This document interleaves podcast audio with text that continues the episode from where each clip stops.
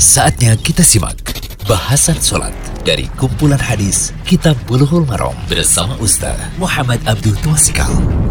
Alhamdulillah, salatu wassalamu ala rasulillah wa ala alihi wasallam. Kali ini kita berada di audiens ke-162 dari kitab Bulughul Maram karya Imam Ibnu Hajar Al-Asqalani, kitab salat, bab salat tatawwu, salat sunnah.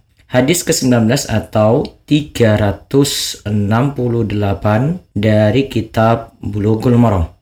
An Abi Hurairah radhiyallahu anhu qala qala Rasulullah sallallahu alaihi wasallam afdhalus salati ba'dal faridati salatul lail.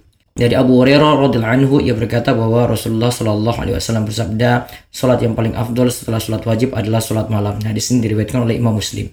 Faedah hadis yang pertama, salat malam adalah salat yang paling afdal setelah salat wajib. Berarti tetap ada prioritas juga salat wajib lebih diutamakan. Tapi salat malam ini salat yang paling afdal setelah salat wajib. Terus sholat yang kedua, sholat sunnah pada malam hari lebih afdol daripada sholat sunnah pada siang hari. Kemudian ketiga, kenapa sholat malam itu lebih afdol? Dikarenakan sholat pada malam hari bisa bermunajat kepada Allah. Hati dan lisan bisa khusyuk. Kesibukan berkurang pada waktu malam. Lebih ikhlas dan jauh dari riak, cari sanjungan. Sholat malam itu dilakukan pada waktu orang-orang beristirahat. Itulah rahasianya. Tidur kala itu lebih disukai daripada bangun malam maka sholat malam itu berat untuk dikerjakan kecuali orang-orang yang khasyi'in, bagi orang yang khusyuk dan mengharap perjumpaan dengan Allah.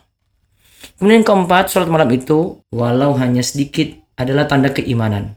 Wajah jadi bercahaya, hati jadi terjaga, mendapatkan manisnya iman, dan menjadi sebab masuk surga.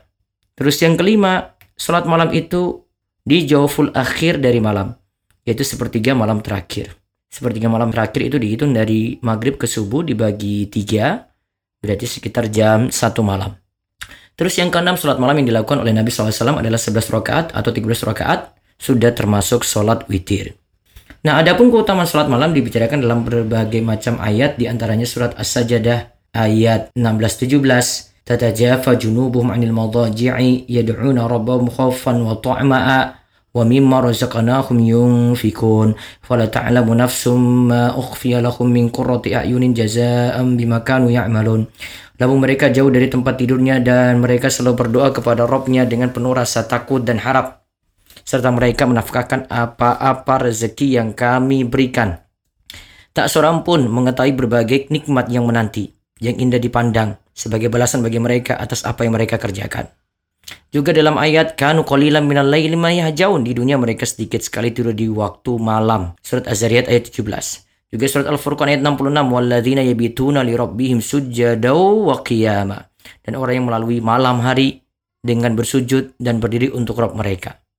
Dalam hadis disebutkan dari Abdullah bin Salam radhiyallahu anhu, Nabi Shallallahu alaihi wasallam bersabda ayuhan nas, afshus salam wa at'imut ta'am wa sallu bil laili wan nasu niyam tadkhulul jannata bisalam. Wahai manusia, tebarkanlah salam, bagikanlah makanan, dan sholatlah pada waktu malam ketika orang-orang sedang tidur. Niscaya kalian pasti masuk surga dengan selamat. Hadis riwayat Tirmidzi, Ibnu Majah, Ahmad, Ad-Darimi, Al-Hakim dari jalur Auf bin Abi Jamila dan Sis Salim bin Aid Al-Hilali mengatakan sanad hadis ini sahih. Kemudian Ibnu Bar rahimahullah berkata, Qiyamul Lail sunnatun masnunatun.